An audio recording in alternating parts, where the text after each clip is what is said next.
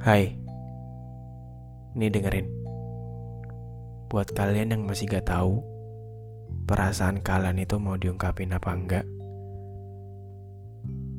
kalian pernah nggak pas chatting atau telepon atau pas ngomong langsung gitu sama orang yang kalian suka, orang yang kalian suka tuh kayak ngerti kalau kita tuh seneng banget pas ngobrol sama nih orang. Dan habis itu dia kayak buka obrolan yang di mana dia bicarain hal atau topik yang kita suka. Rasanya seneng kan? Nah, pas di situasi itu kita kayak diperhatiin gitu. Dan secara gak sadar, kita juga nebak kalau dia itu kayaknya tahu deh apa yang kita rasakan saat itu. Dan ya, kita mulai berharap aja gitu. Kalau coba aja waktu bisa berhenti.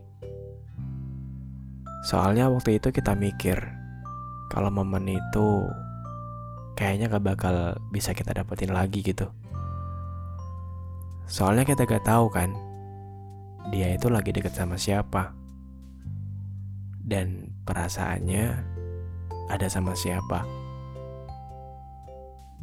Terus, yang bisa kita lakuin ya cuma berharap aja sih.